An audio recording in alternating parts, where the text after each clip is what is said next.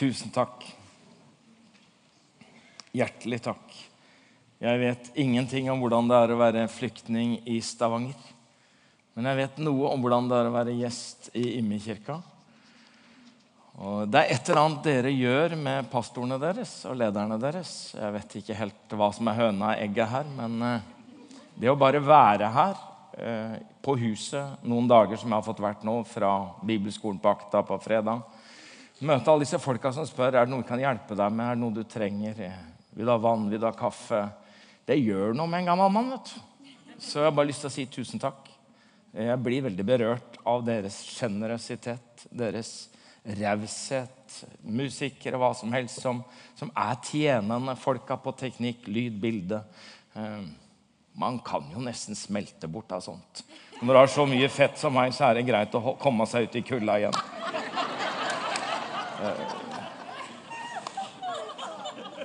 Det er travelt å være frelst. Det er travelt å være pastor og predikant. Og egentlig så er jeg jo konditor. Eh, det er det jeg er utdanna som. Kjæresten min, som den gangen var veldig ung, hun trodde jeg gikk på krematorlinjen. Prøvde å forklare forskjellen på hvordan det var å være kremator. eh, For hun sa det er ikke samme ommer og sånn. Eh, Men vi driver med krem. Jeg sa det da rett ut sånn at hun skjønte forskjellen. Jeg har bare lyst til å minne om at det er såpass travelt at det går veldig fort gærent.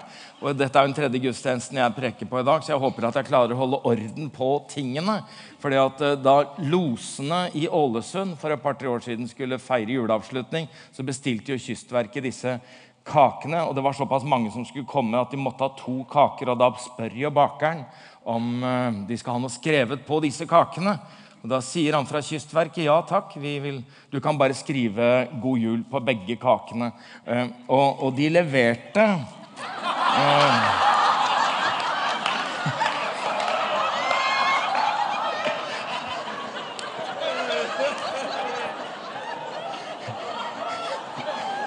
Altså, det blir veldig travelt eh, til jul for en baker også. Eh, så de leverte bare én kake. Og du skal være rimelig borte når du står og skriver 'God jul' på begge kakene og leverer én. Så Kystverket melder om at det ble lite kake, men mye moro på juleavslutning. Da syns jeg at reklamebyrå TBWA, som holder til i Parkveien 53 rett bak Slottet, altså nærmeste nabo til Slottet Fantastisk med dette tolv meter lange seilet, dette banneret, hvor de hilser hele kongefamilien med 'Sorry, Harald'. I jula er det Jesus som er konge. og det er noe av det som har vært hjertet bak disse førjulskveldene. Et ønske om å reise inn i julekjernen. Et ønske om å pakke opp jula. Et ønske om å formidle julas egentlige innhold. Og det er klart Med mye fest og moro og mye flotte konserter så er det ikke alltid at Jesus kommer så tydelig og klart fram. Så det er fantastisk for meg å komme hit som predikant, og dere sier 'prek om Jesus'. Og vi vil ikke bare ha en liten juleandakt, så nå har jeg egentlig forberedt meg på en times tid. For dere som ikke har vært her på Takk skal dere ha. Dere som ikke har vært der fredag eller lørdag kveld, vet at tematikken har vært at Jesus er den store gaven. Det handler jo om å finne rett gave til rett person til rett tid til riktig pris. Og at Gud satte det hele i gang ved å gi oss Jesus Kristus. Det går an å gi uten kjærlighet, men det er umulig å ha kjærlighet uten å gi. For så høyt har Gud elsket verden at han ga. Han ga ikke det litt, men han ga det beste og det største. Og så har vi sagt noe om disse kveldene at Gud har gitt oss gaver i gaven. Sånn at det egentlig handler om å tenke at det er nesten som en russisk dokke. Du pakker ut og pakker ut og pakker ut, og du har fått esker i eskene, og du pakker opp og pakker opp og pakker opp. Og så har vi fokusert på tre ting. Det ene er vi gjorde fredagskveld om at gleden har Gud gitt oss i Jesus Kristus. Den guddommelige gleden. Den julegleden som ikke visner. I går kveld snakket vi om den fullkomne freden. den freden som Jesus er kommet for å gi oss. Og jeg tenkte i kveld at vi da skulle snakke om det himmelske håpet, og det har jeg gledet meg til å si noe om. I denne sammenhengen hvor vi har fått én gave og gaver i gaven, så har vi lest dette verset. At han som ikke sparte sin egen sønn, men ga ham for oss alle, kan han gjøre noe annet enn å gi oss alle ting, eller alt, sammen med ham. I gaven Kristus har han gitt oss alle gavene. I dette har vi lest hva engelen har sagt til, sa til gjeterne. Eh, og i dette har vi funnet disse tre tingene som vi har delt. Og dere har vært så gode til å proklamere juleevangeliet at jeg har jo blitt rent rørt. Og det er noe av dette med touchen av skarring som griper meg spesielt. Ja, det blir så likt det hebraiske at jeg vil veldig gjerne at dere gir litt gass på skarringa, så legger trøkk på alle r-er mens dere nå deklamerer juleevangeliet. Kan du bli sittende, gjør det, men du skal trøkke til. Nå sier vi det. Men engelen sa til dem, frykt ikke. Se, jeg forkynner dere en stor glede, en glede for hele folket. I dag er det født dere en frelser i Davids by. Han er Messias, Herren og dette skal dere ha til tegn. Dere skal finne et barn som er svøpt og ligger i en krybbe. Og med var engelen omgitt av en himmelsk hærskare som lovpriste Gud og sang. Og det er jo her liksom hele Immi-koret nå skal komme inn. Og hvis jeg lukker øynene, så ser jeg englene for meg. Nei, nei, nei, nei, jeg har øynene oppe. jeg må jo ha øynene oppe hvis jeg skal se englene her. Kom igjen. Ære være Gud i det høyeste, og fred på jorden blant mennesker som Vi tar det en gang til. Ære være Gud i det høyeste, og fred på jorden blant mennesker Gud har glede i. Og jeg tenkte altså at vi skal si noe om et himmelsk håp og hentet dette ut ifra setningen som englene sa til eh, gjeterne. Eh, dere, i dag er det født dere en frelser i Davids by. Jeg leste på et julekort som skrev at hvis vårt største behov hadde vært kunnskap, hadde Gud sendt oss en lærer. Hadde vårt største behov vært bedre teknologi, hadde han sendt oss en vitenskapsmann eller ingeniør. Hadde vårt største behov vært mer penger, hadde han sendt oss en økonom. Hadde vårt største behov vært bedre, bedre, og mer underholdning, hadde han sendt oss en entertainer. Men vårt største behov var tilgivelse og er tilgivelse. Derfor har han sendt oss en frelser. Og dette at Jesus er verdens frelser, er et håp for det som var, det er et håp for det som er, og det er et håp for det som kommer det er rett og slett et himmelsk håp. Og håp legger vi jo i de som blir født. Dette er en av mine barnebarn. Jeg ser ut som Simon i tempelet. Og Min kone syns ikke hun ligner så mye på Anna Fanuels datter, men hun skinner litt i bakgrunnen. Eh, for vi har etter hvert fått oss elleve barnebarn, og jeg tror at flere kommer. Og når vi samles rundt den nyfødte, så legger vi jo alle våre håp inn i den som fødes. Det var annerledes med Jesus. Profetene hadde talt om Jesus. Profetene hadde gitt Guds løfter om Messias, hvem han var, hva han skulle gjøre. Så når Simon står med Jesus i sine hender, så er det ikke hans håp, Simons håp for Jesus, som går opp for han, men det er at han står med verdens håp i sine armer. Og det er da den gamle Simon sier, 'Nå kan jeg reise herfra i fred.' For jeg har sett din frelse. Og Jeg tenker at jeg må spørre gamle Simon, i all verden er det du har sett for noen ting? Han har jo ikke sagt et ord. Han har ikke gjort et mirakel. Hva har denne lille babyen gjort? Absolutt ingenting. Men Simon visste at han hadde sett Frelseren.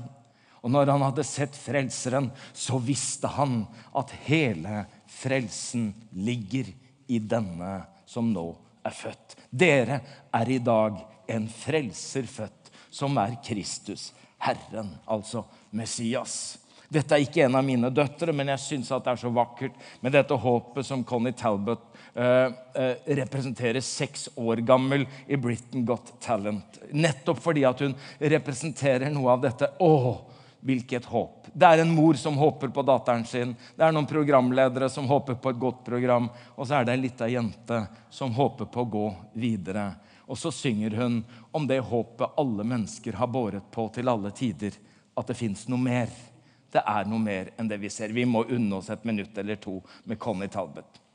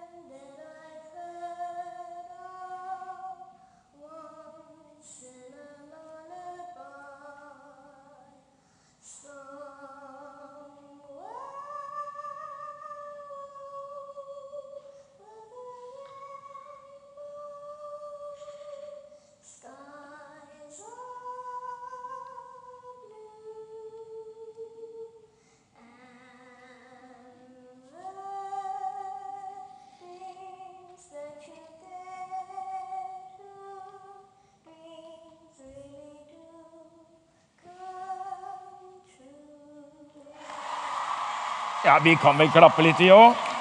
Kan vi ikke det, da? Ja. Ja, hun gikk videre. Ja, det gikk bra. 'Somewhere over the rainbow'. Det er noe mer. Det fins noe større. Det fins en evighet. Det finnes et håp. Og livshåpet er avgjørende. Vi sier jo at så lenge det er liv, er det håp. Men det er vel så sant motsatt vei. Så lenge det er håp, er det liv. Det er sagt at vi kan klare oss 40 dager uten mat og tre dager uten vann og være uten luft i ca. åtte minutter, men allikevel overleve. Men kloke mennesker har sagt at vi kan ikke leve ett sekund uten håp. Vi har alltid navigert etter lys. Vi har alltid sett etter stjernene. Vi har alltid sett, uansett hvor mørkt det har vært, så har vi funnet vår vei ved å finne lyset. Og livshåpet er dette lyset. Doktor Harald Wolff har studert livshåpets betydning på menneskekroppen. Spesielt forsket på disse som har vært utsatt for eh, forfølgelse, tortur og terror. Og sett hvordan håpet har vært avgjørende for deres liv i etterkant. Både fysisk, psykisk, sjelisk og åndelig. Og sier at det er håpet og livshåpet som er det avgjørende. Og det er nettopp i dette hvor alt er mørkt, hvor alt er håpløst, som det var for Israels folk som var fanger i Babylon. Og fangevokterne og slavedriverne og terroristene tenkte natt og dag på hvordan de kunne plage Israels folk. At Gud sender dem sin hilsen gjennom profeten Jeremia og sier, 'Jeg vet hvilke tanker jeg har med dere', sier Herren. Det er fredstanker og ikke ulykkestanker, men Jeg hørte ikke riktig. Jeg vil gi dere, jeg vil gi deg. Jeg vet jo ikke hvem som plager og hva som terroriserer deg, men Gud har andre planer for ditt liv. Han sitter ikke og tenker ut hvordan han skal straffe deg og plage deg, men han tenker ut hvordan han skal få løftet ditt liv med håp et framtidshåp. Søren Kirkegård, yngst av syv søsken. Fem av hans eldre søsken døde før de fylte 30, og hans alvorlige pietistiske far mente at dette var en følge av Guds straff, og at dette var forutbestemt. Det kunne ikke Søren godta, men han var så rammet av denne sorgen og depresjonen og denne tenkningen at han ikke kom seg ut i lyset, for han så ingen lyspunkt. Han slo opp med forloveden sin, for han mente at han ikke sjøl var verdig til å være kjæreste med henne. Og så nådde de ikke inn til han, selv om de prøvde å trøste og oppmuntre og si gode ord. Til slutt så tok han tak i det sjøl, og så slo han seg sjøl med spanskrøret ordentlig smell, og så sa han 'hopp så inn i livet, mann', og slutt med all denne tenkning. Og så hopper han inn i livet. Og jeg tenker hopp og håp ligner jo utrolig mye på hverandre. Det er mulig at det var en språklig bro, bare, men det er jo ikke så gærent å tenke at kanskje jeg rett og slett skal hoppe paradis. Ja, nå skal vel ikke jeg framstå som selveste prototypen på paradishopperen. Nei, men flyveren har jeg vært borti. Er det flere som har vært inne på den? Ja, det er et par andre, men den er gammeldags, kanskje? Hva? Fins det en digital utgave av eh, flyveren og hoppeparadis? Det merkelige er jo hvordan oppsto denne leken, som fins over hele Europa? Som nesten heter det samme i alle land. Og Man vet ikke helt når og hvor dette oppsto, men noen har trodd og tenkt at det egentlig bare var et riss i grusen på en svær tomt hvor det ble bygd en katedral. Og med at denne arkitekten hadde forklart hvordan og prøvd å illustrere hva som skulle komme. Og så lå det plutselig en sånn tegning i grusen at noen barn begynte å leke. og så Og så handler det om å ikke treffe strekene og ikke bomme. Og så treffer vi strekene, og så bommer vi allikevel. Og så kan vi hoppe ut igjen, og så kan vi komme tilbake. Og der framme, der er paradis. Ja, det er paradis. Og kanskje den bygningen de prøvde å illustrere, var nettopp en korskirke. Det er jo sånn at Frikirker, og inklusiv IMMI, er vel ikke helt orientert om hva som er øst og vest. Det var ikke så viktig når man liksom bygde IMMI-kirka. Altså, vi må ha scenen mot øst. Men i alle kirker er jo det egentlig Er, er det mot øst her, eller? Ja. Kan ikke du egentlig forklare ham hva øst er først, da? Men i gamle kirker vet du, og kirker overhodet så skulle jo alltid alteret ligge mot øst. Og så skulle inngangen ligge i vest. For vest er jo da sola har gått ned.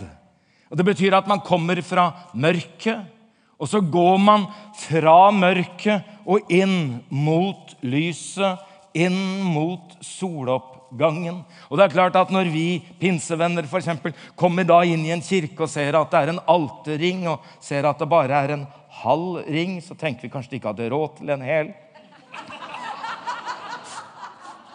Den ble visst ikke ferdig så forklarer disse som kan i kirkearkitektur oss dette, at det skal være sånn fordi den andre delen av ringen, det er den usynlige ringen. Det er den på baksiden av alteret, der hvor vi feirer gudstjeneste med de som har gått foran. Men vi feirer vår gudstjeneste i lys av Han som kommer. Advent er ankomst. Advent er at vi er ikke på vei mot mørke, vi er på vei mot lys. Det går ikke mot kveld, du som har fylt 60 år. Det går mot en ny morgen. Og jeg sier halleluja. Så er altså tanken det at vi hopper og bommer litt på våre streker. Vi går ut i hverdagen, men vi passer på å komme. Jeg er på vei mot paradis. Det er hans løfte over mitt og over våre liv. For, sier Paulus i rombrevet. I håpet er vi frelst. Et håp som man allerede ser oppfylt. Det er jo ikke noe håp. For hvordan kan noe håpe på det de ser? Men hvis vi håper på noe vi ikke ser, da venter vi med tålmodighet. Vi er frelst i håpet. Vi er på vei mot soloppgang. Det finnes en hel del falske forhåpninger. Ja, det gjør det. Falske forhåpninger kan for så vidt være drømmebilder og fantasier. Men falske forhåpninger kan også være håp som er usikre. Bibelen advarer mot usikre håp. Usikre håp til rikdom. Usikre håp som viser seg å ha datostempel. De er best før. Det er helt legitimt å håpe på et lykkelig ekteskap. Alle opplever ikke det. Det er helt legitimt å håpe på et fredfullt og godt familieliv. Alle har ikke det. Det er helt ok å håpe på en god og sikker jobb. Og det er massevis av legitime håp som er helt ok å ha. Men hvis du bare har håp til disse håpene, så vil du oppdage at så lenge det var håp, var det liv. Men når håpet dør, og du må følge disse håpene til graven, så er alt håp ute. Advar folk mot det, sier Paulus. Advar folk mot det. At de ikke setter sitt håp til det som er usikkert, men at vi setter vårt håp til Han som er den sikre. Memento mori er visst et latinsk uttrykk for uh, 'husk at du skal dø'. Uh, jeg kan jo ikke mye latin. Jeg kan vel for så vidt ingenting. Utrolig hva man kan finne på nettet. Men tradisjonen var altså at eh, de romerske hærførerne, når de hadde vunnet en stor seier, så ble de beæret med triumftog når de kom tilbake fra slagmarken. Og så skulle de ha triumftog inn i Roma, eller inn i Rom, og så skulle de til Forum Romandum, tror jeg det må ha hett. Og og, og så skulle de ha med seg hæren sin, og de skulle ha med seg slavene, og de skulle ha med seg krigsbytte. Og så sto hærføreren på vogna og så hadde han en slave sammen med seg på vogna. Og denne slaven på denne vogna i dette triumftoget hadde to oppgaver. Det ene var å holde denne denne denne denne denne, denne Altså ikke capsen, men eh, Laurbærkransen, tror jeg det er. Laurbærkransen, tror jeg det er. Ja da. Jeg tror det er laurbær. Skal vi bare sjekke her om jeg har det? Nei, det har jeg ikke der. Eh, jeg skulle holde den over hærføreren, sånn at eh, alle skjønte at dette er han som skal ha ære. Og samtidig så skulle denne slaven hviske i hærførerens øre Husk at du skal dø. Husk at du skal dø. Det kommer en dag i morgen. Det kommer en annen dag. Husk at du skal dø. To ting. Ære, glede, seier, håp samtidig. Husk i alt dette at du skal dø. Memento mori. Jeg hadde gleden av å lage et program med Per Fugli, professor i sosialmedisin.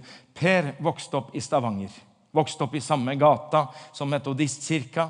Og Mor og far til Per sier han at de var jo ikke noe spesielt kristelig, men de likte å sove på søndag morgen, så de sendte like så godt gutta bort på søndagsskolen i metodistkirka. Så Per vokste opp med Metodistkirken og en fantastisk søndagsskolelærer. Det var veldig rart å følge Per til Metodistkirken. Eh, vi vet at han er samfunnsdebattant, han er rikssynser. Han har vært en bekjennende ateist i hele sitt liv, ja. Han eh, har sagt veldig tydelig at han ikke tror på Gud. Han fikk en kreftdiagnose for noen få år siden. Fikk vite at han kanskje hadde et par år igjen å leve. Og døden er en stor og sterk predikant som prikker oss på skulderen. Memento mori. Husk at du skal dø. Per skriver en eh, bok som heter 'Døden skal vi danse', for å ta bort noe av tabu om død. Men Det var rart å følge han inn i metodistkirka, hvor han går rett fram til alteret. Og så hører jeg Per si ganske høyt for at vi også skulle høre det. Der er det et stort Kristusbilde. Og så sier han, 'Der er du, Jesus'. Du er til å stole på. Så fikk jeg lage et program med Per om døden, om framtid. En ateist, en agnostiker, som håper, i alle fall. Fem år siden. Jeg vet ikke hvor langt tilbake vi skal trekke punktet her, Per. Mm. Men da får du den diagnosen med en dårlig prognose. Og sånn sett så lever du litt på overtid av det du den gangen antydet at du kunne få et år, kanskje to. Nå har du fått fem. Du snakker om etterlivet. Det har jeg hørt begrep du bruker. Jeg har ikke hørt andre bruke det.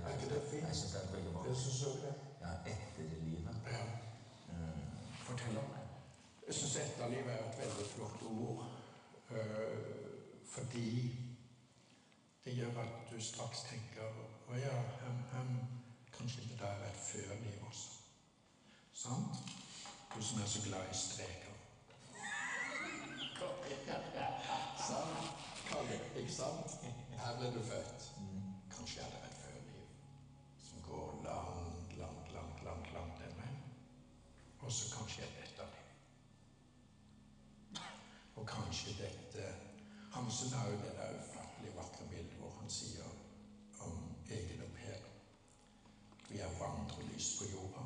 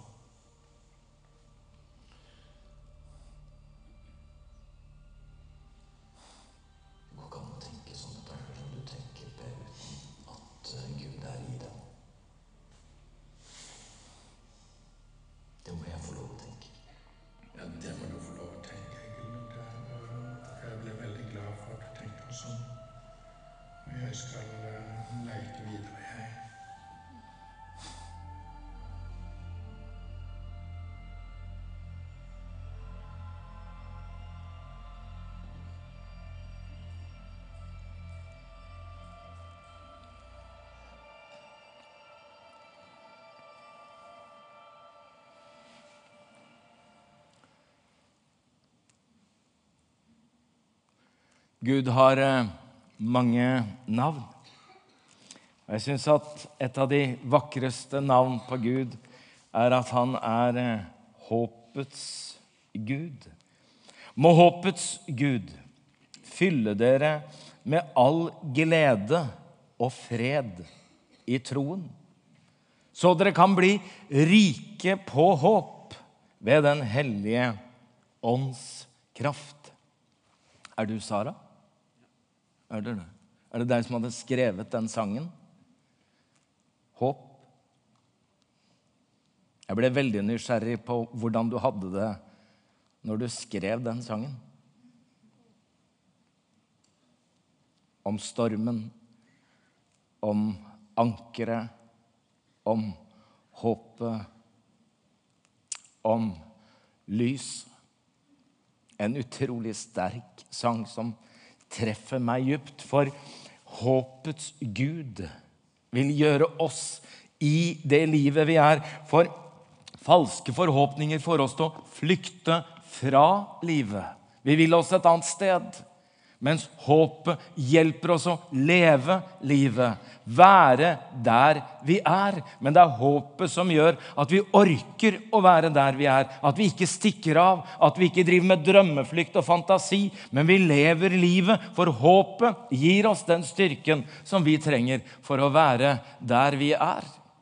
Det er jo sånn at uh, tro, håp og kjærlighet er symbolisert med kors og hjerte og anker. Og du hadde jo med i sangen din at håpet er ankeret.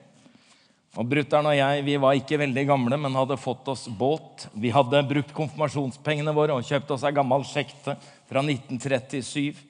Velsignet være dens minne. Herre Jesus. Ja, det var en ensylindra FM-motor i denne. Og har du en gammel tresnekke med én sylinder i motoren, så har du bare én sjanse. Enten går den, eller så står den. Ja. Og vi hadde kommet oss litt for langt, og litt for langt ut. Og så blåste det opp litt for mye, og dette sluttet ikke, men det gikk på noe så voldsomt. Og når du er ute i storm og veldig høye bølger for to ganske unge gutter, så er det en skremmende opplevelse når motoren plutselig stanser. Og Det er panikken om å blåse i land mot disse klippene og mot disse steinene. Og det tenkte vi to gutter, at dette er skummelt, og det var farlig. Da kom brutter'n på at vi hadde anker om bord. Han kom på det at vi hadde anker. Og da kan man jo si, da satte vi oss ned og så sang vi sanger om dette ankeret som vi hadde om bord. Nei, nei, nei, nei, nei, nei, nei, nei. Det er veldig dumt å ankre om bord. Ja. Og det er jo ved det de fleste gjør. De setter håp til seg selv. Håp til sin egen kraft, sin egen styrke, sin egen mulighet, sitt eget talent, sine egne penger, sin egen helse. Alt hva de selv tror de kan få til, inntil de skjønner at de møter et liv og en utfordring og en storm som er større enn det kreftene strekker til. Det var jo da brutter'n kom på idé nummer to. Vi kaster ankeret ut. Og Det var en fantastisk idé, bortsett fra at det ble veldig usynlig for oss. Og det å sette sitt håp til noe du ikke ser, men som allikevel får et feste i det usynlige, brakte en utrolig fred i denne lille sjekta vår med en ensylindra motor som nå sto stille. Det var rett og slett at vi hadde fått ankerfest.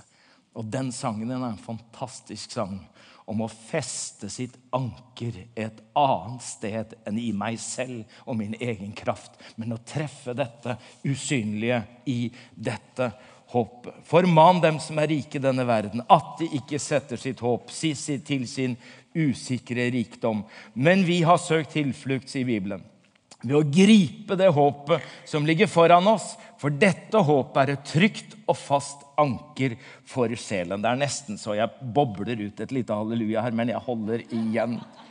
Ja da. Ja da, Jeg kniper igjen. Jeg har vært i, i, i IMI nå i tre dager, så nå kommer jeg til å dø av forstoppelse. Jeg mener Det er to alternativer. Enten dør av forstoppelse eller så begynner du å fise i krokene. Eh, men jeg slipper ut et halleluja i ny og ne, og så tenker jeg det får stå til. Er det greit? Ja da! Ja da! Så har vi fulgt mange, mange legitime, men ganske sårbare håp til graven. Men derfor er det fantastisk at Bibelen taler om et levende håp. Og dette levende håpet er denne gutten som blir født i Betlehem denne julenatta. Han er dette levende håpet som aldri kan dø. For dette håpet døde, men sto opp igjen, så det viste seg at døden kunne ikke ta livet av dette håpet. Derfor kaller Bibelen han for vårt levende håp. Amen. Jeg snakket med en østtysk eh, evangelist som hadde kommet seg ut av Kommunist-Tyskland med fare for sitt eget liv. Og Så spurte jeg han, husker jeg, hvordan ser du på framtiden. Og så sier han det fins tusen grunner for meg til å frykte framtiden. Men det fins én grunn til ikke å frykte, og han heter Jesus Kristus. Da Jesus døde på korset, skjer det tre ting. Det ene er at forhenget i tempelet revner 18 meter høyt, 9 meter bredt, tre tommer tykt. Innvevd to kjeruber som skulle minne om disse kjerubene i Edens hage, som stengte døren for det syndige mennesket. Men nå var Gud lei av å stenge mennesker ut.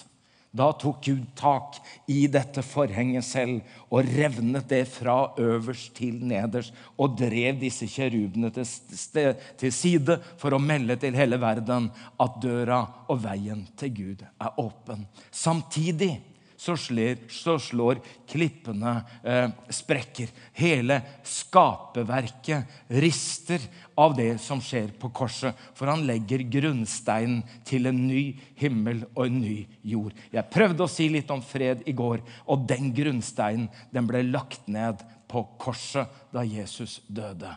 Og så er det noen døde som er døde, eh, som er gudfryktige mennesker som ikke klarer å holde seg i ro, men står opp og går litt rundt i Jerusalem noen dager. Det er et litt merkelig fenomen.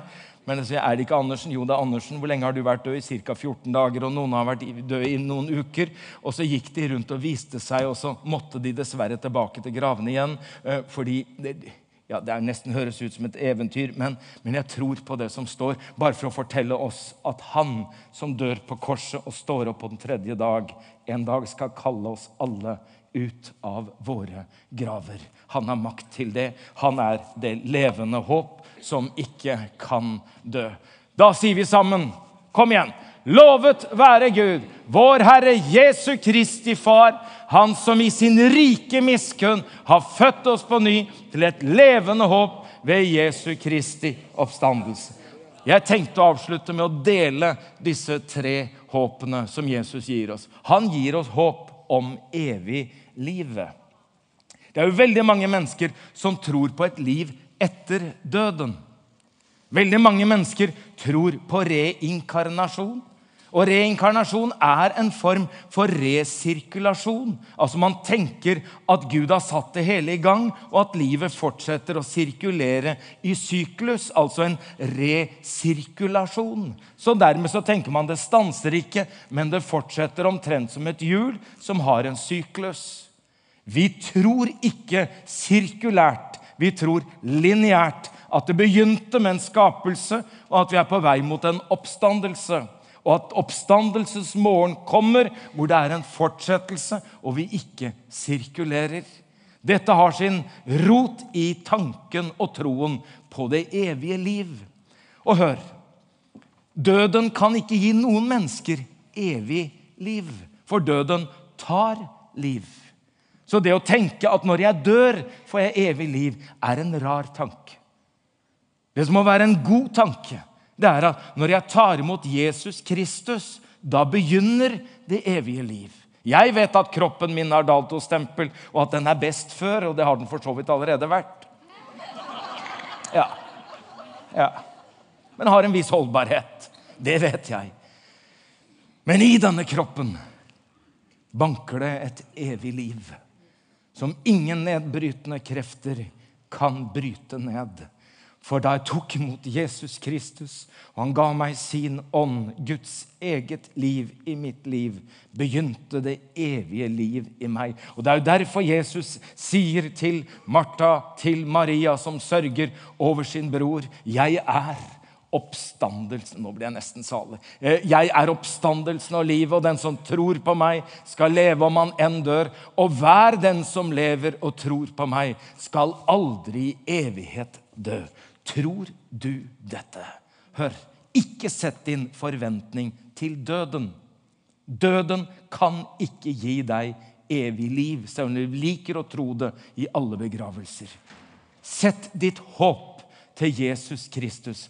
Han er det levende håpet som aldri kan dø, og som gir deg det evige livet når han kommer inn i ditt hjerte. Det dette gir oss håp om, det er rett og slett at vi tror på en oppstandelse fra de døde. På samme måte som mange tenker i resirkulasjon og i reinkarnasjon, så vil jo veldig mange tenke oss at det finnes et liv i energier, og hvor vi på en eller annen måte har en slags idé, en tanke, hvor vi er en sjel som svever litt fritt. Og det er mange fornuftige og gjennomtenkte tanker på det. Men det kristne håpet er faktisk om legemets oppstandelse. Legemets oppstandelse betyr at himmelen er påvirkelig. Jeg, sier Jesus, går bort for å gjøre i stand et sted for dere. Og når jeg har gått bort for å gjøre i stand et sted for dere, da kommer jeg tilbake for å ta dere til meg, og for at dere skal være der jeg er. Vi sier i trosbekjennelsen om Gud Fader og Jesus Kristus, Guds sønn, i den tredje trosartikkel så sier vi, og jeg syns vi skal si det sammen Jeg tror på Den hellige ånd, en hellig, alminnelig kirke, de helliges samfunn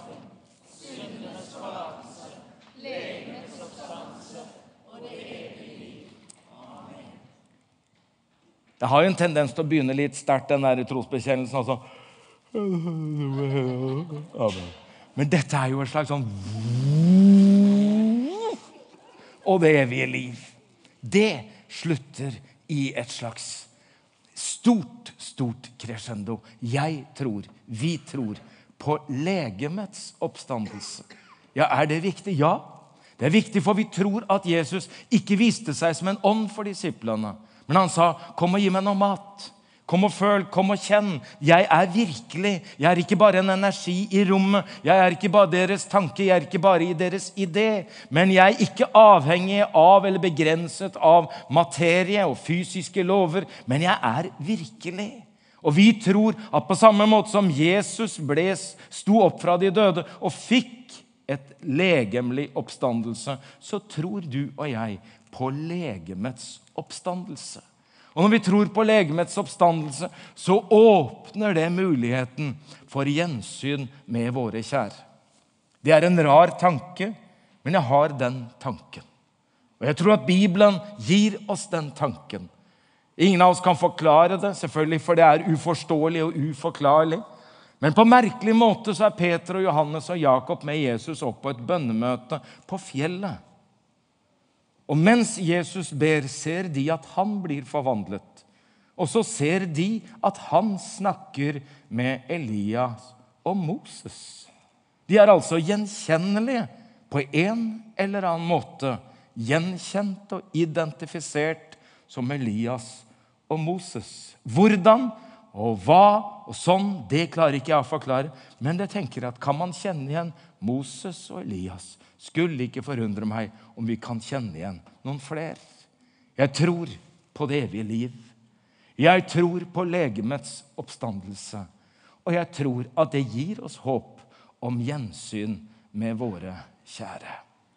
Hvis du holder ut et par-tre minutter til, så har jeg lyst til å dele en liten fortelling som eh, Geir Lippestad ga oss da han eh, mistet sin datter Rebekka på 17 år. De fleste i Skandinavia ble jo kjent med Geir Lippestad som forsvarer av Breivik. Han og Signe til sammen åtte barn, to av de multifunksjonshemmede. Eh, og eh, Rebekka som den eldste, som ble så dårlig så tidlig og hadde fått et meningsfylt liv med respirator i flere år. Men nå var det ikke noe igjen og det var ikke riktig og mulig å holde henne i live. De fleste opplever jo døden som noe som kommer overraskende på, men dette visste de når måtte komme. De siste timene.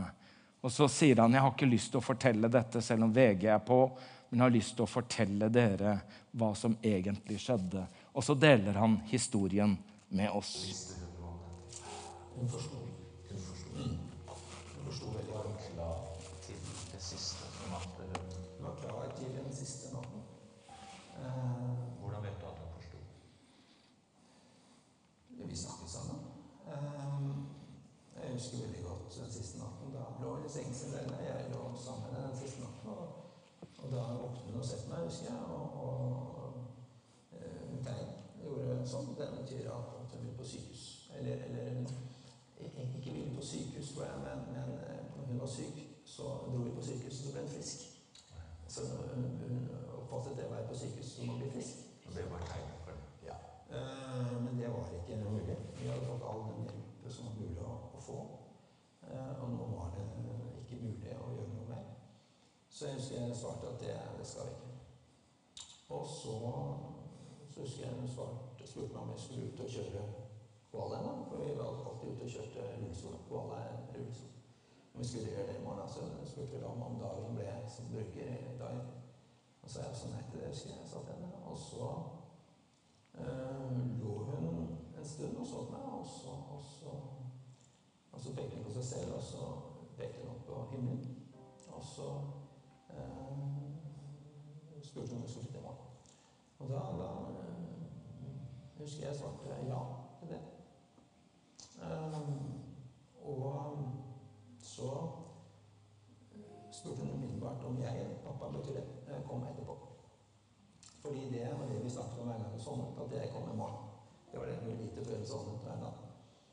Uh, og, og da var jeg litt usikker på hva jeg skulle si. For det, jeg hadde, det visste jeg at jeg kom. Jeg kom ikke etter i morgen. Ja, hvordan takla de andre ungene dette? da? Selvfølgelig med stor sorg, men, men også, øh, også øh, tror jeg at når du, når du kommer så nært øh, øhm, døden, så, så kommer også veldig nært noe som er åndelig.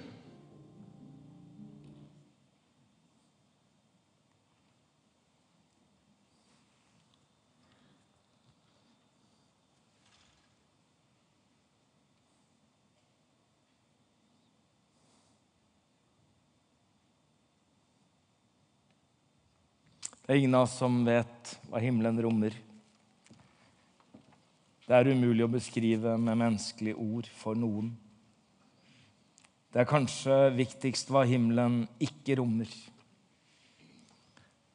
Det skal ikke være død. Det skal ikke være skrik eller smerte. Det skal ikke være tårer. Denne gutten som ble født i Betlehem denne julenatta. Det er han som er dette håpet om det evige livet. Et livshåp som aldri kan dø. Skal vi be sammen?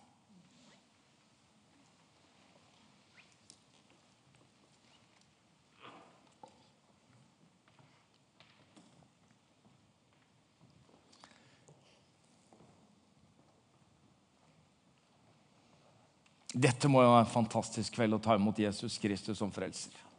Det må jo være det. Det må jo være det. Altså, hvis du har tenkt å bli frelst, så bør du bli det nå, rett og slett. Jeg tenker det, altså. Ja, jeg tenker det. Altså, hvis du sitter her og hører om håp om evig liv ved å ta imot Jesus Kristus i dette, finnes det håp, en oppstandelse fra de døde og et mulig gjensyn med våre kjære. Altså et håp som ikke kan dø, uansett hva du ellers måtte følge, og hvem du måtte følge til graven. Så tenker jeg at dette håpet er ikke til hva eller hvem som helst, men dette håpet er i Jesus Kristus. Så det du gjør, det er å si, 'Jesus, kom inn i mitt liv. Kom inn i mitt hjerte.'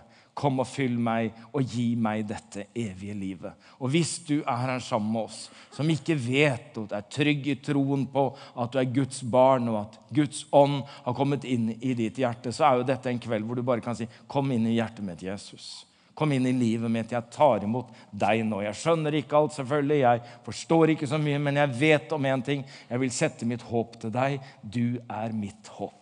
Og da tenker jeg vi kan gjøre det sånn som jeg har gjort noen av de andre dagene. At du løfter hånda di, jeg ser den, og så tar du hånda di ned igjen. Og så vil vi be en bønn sammen. Du som nå sier 'Kom inn i mitt hjerte, kom inn i mitt liv, Jesus'. Du skal være mitt håp. Løft hånda di, ta den ned igjen. Gud velsigne deg. Flott å se at du er så tydelig. Er det flere? Kom igjen. Gud velsigne deg. Gud velsigne deg. Strålende. Gud velsigne deg. Kom igjen. Det er jo bare å ta imot Jesus Kristus og si ja, men er det så enkelt? Ja, det er så enkelt, for dette er gaven. Og dette er den gaven du tar imot. Gud står med utdrakte hender, kommet deg i møte, gitt deg evangeliet, og du sier 'Tusen takk, jeg tar imot Jesus'. Og så begynner en kristen vandring. Så begynner en vandring hvor du lærer å gå på alfakurs og alt. Gud velsigne deg. Er det flere, så ta imot. Gud velsigne deg. Det er jo litt merkelig at Imme-kirka klarer å være så rolig, men jeg har bare lyst til å melde at oppe i himmelen er det full fest. Ja, oppe i himmelen er det full fest. Ja. Men her Ja da.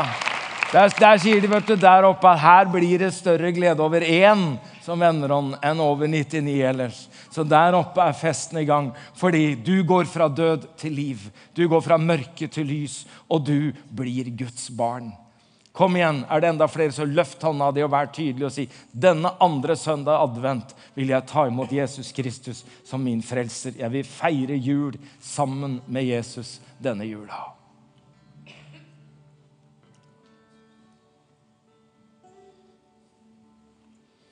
Jeg ser ikke alle dere som sitter under der, men eh, Jesus veit hvem du er, og han har sett hånda di, han har sett hjertet ditt, og han ser først og fremst hele livet ditt. Og nå vil jeg at vi skal be sammen. Og jeg syns vi skal hjelpe de som har løftet hendene sine, til å be en bønn. Det er ikke alle som har god trening. Nå hjelper vi dem. Jeg ber foran, og dere ber etter. Er det ok? Kjære Herre Jesus Kristus. Nå kommer jeg til deg. Takk at du møter meg der jeg er. Og takk for at du tar imot meg slik jeg er. Takk for at du døde for meg på korset. Og da tilga du meg mine synder. Nå tar jeg imot syndenes forlatelse og det evige liv. Nå tar jeg imot syndenes forlatelse og det evige liv. Takk at du skriver navnet mitt i livets bok. Og du gir meg rett til å være Guds barn. Og det er jeg, for det har du sagt. Og det er jeg, for det har du sagt. Tusen takk, Herre Jesus Kristus. Og jeg syns at vi skal feste med de som er der oppe.